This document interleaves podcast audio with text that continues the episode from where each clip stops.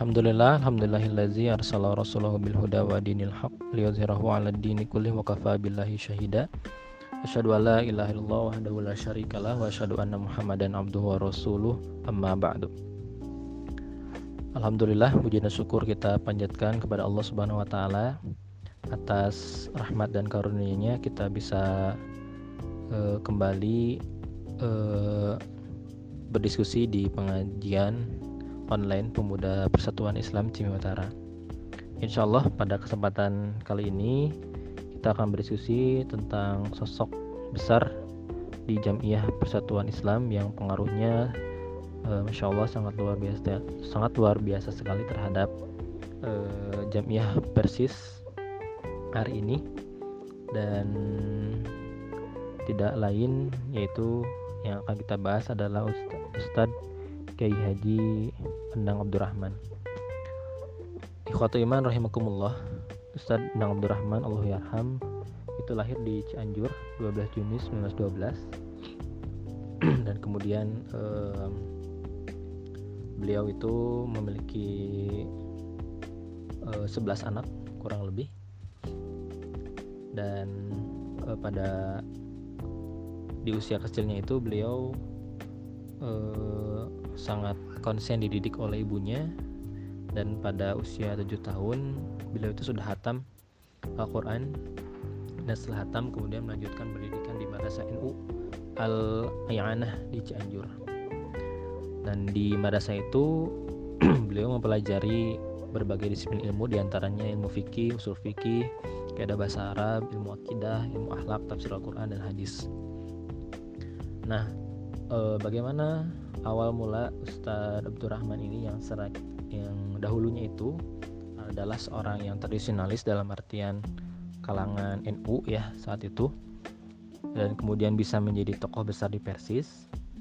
Nah ini awal mulanya itu ketika Ustadz Abdurrahman seorang sudah menjadi seorang e, mubalik ter, terkemuka di Cianjur dan kemudian ditugaskan e, oleh seorang saudagar kaya Tuan Al-Katiri namanya itu ke Bandung dan untuk untuk memberikan pengajian di madrasah yang uh, Tuan Al-Katiri dirikan.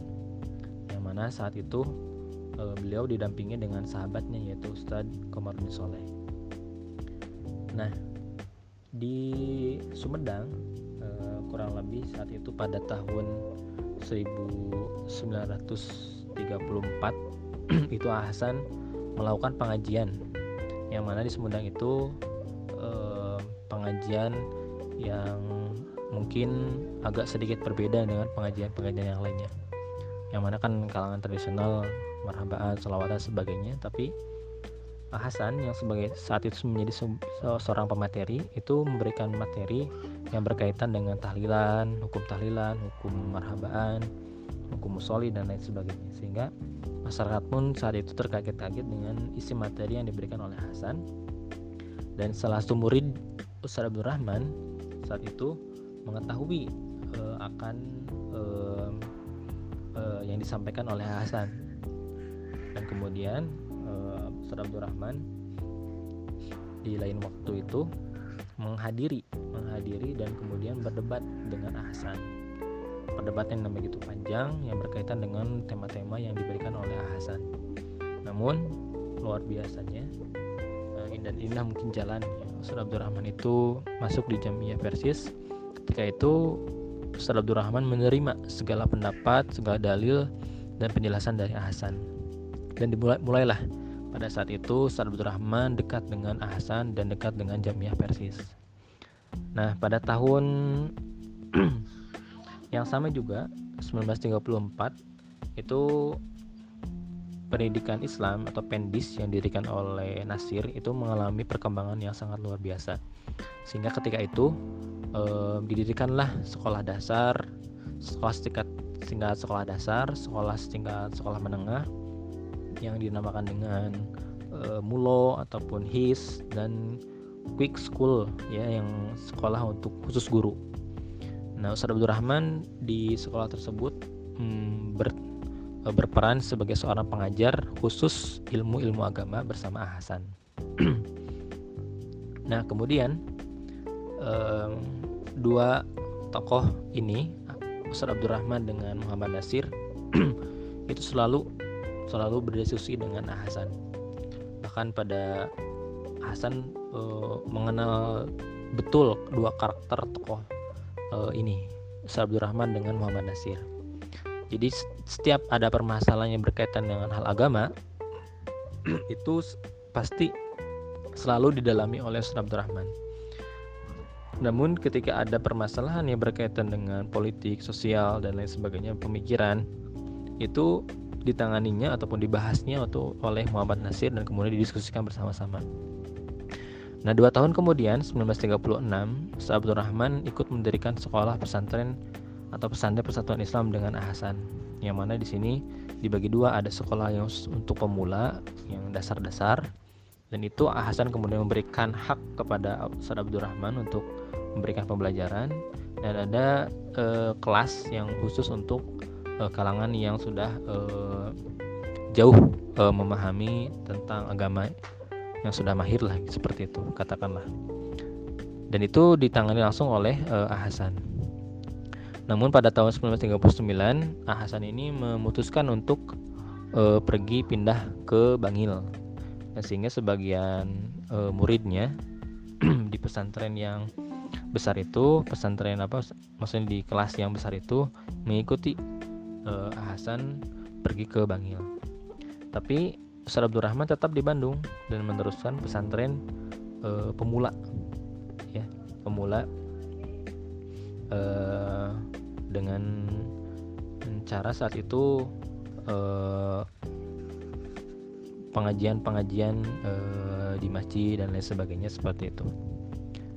Nah, pada tahun 1942 ketika Belanda itu menurut uh, bukan Belanda Jepang menduduki uh, Indonesia itu semua sekolah dibubarkan oleh Jepang. Termasuk juga sekolah yang didirikan oleh Nasir Pendis.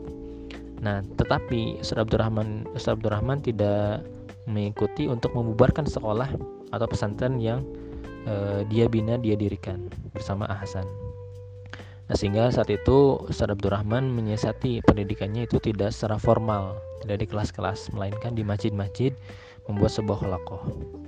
Nah, pada tahun-tahun selanjutnya, sebagaimana kita ketahui setelah Indonesia merdeka, kemudian masuk pada masa revolusi, ini uh, Ustaz Abdurrahman ikut andil dalam perjuangan revolusi mempertahankan kemerdekaan Indonesia dengan cara bergabung dengan Barisan Hizbullah bersama para murid-muridnya yang kali yang kala itu adalah anak-anak muda.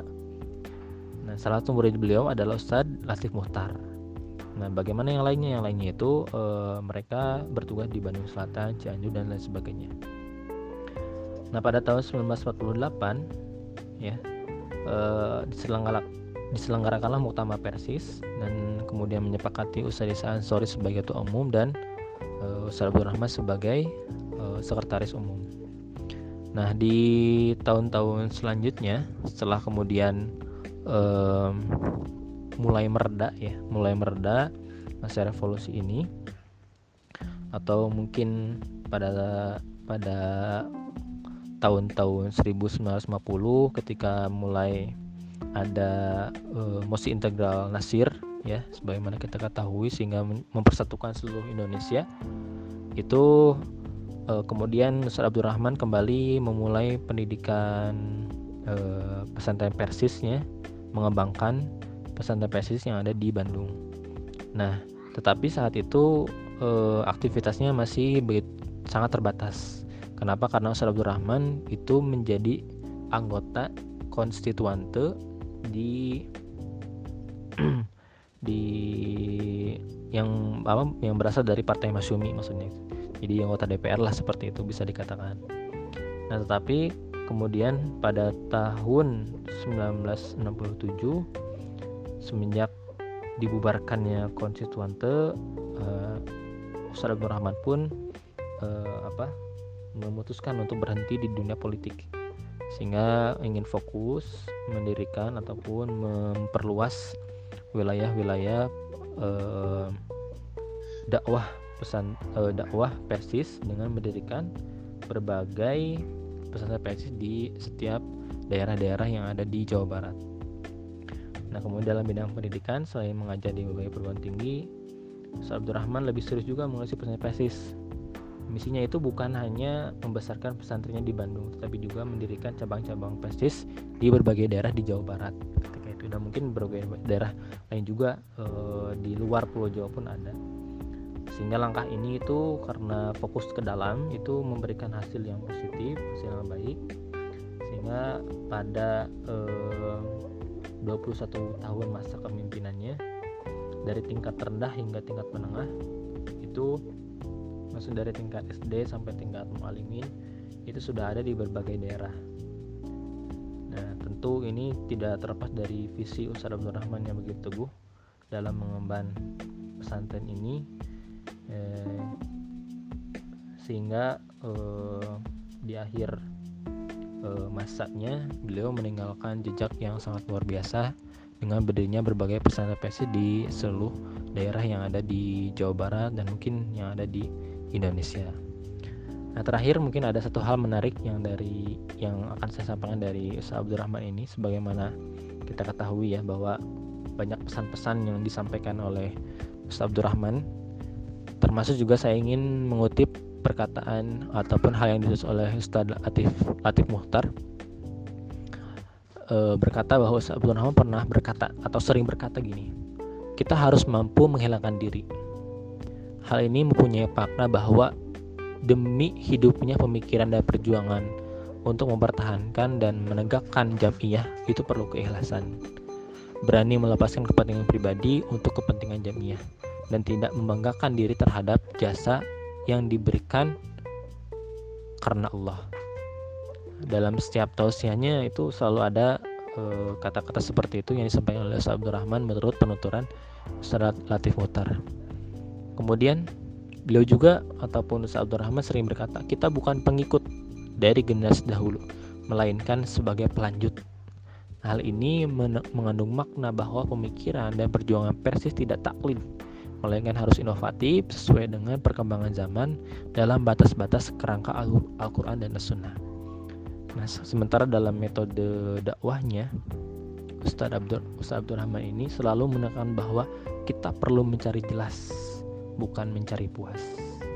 Itulah mungkin yang bisa saya sampaikan sekilas tentang perjuangan Ustadz Abdul Rahman. Terima kasih. Kita lanjut diskusi. Eh, Assalamualaikum warahmatullahi wabarakatuh.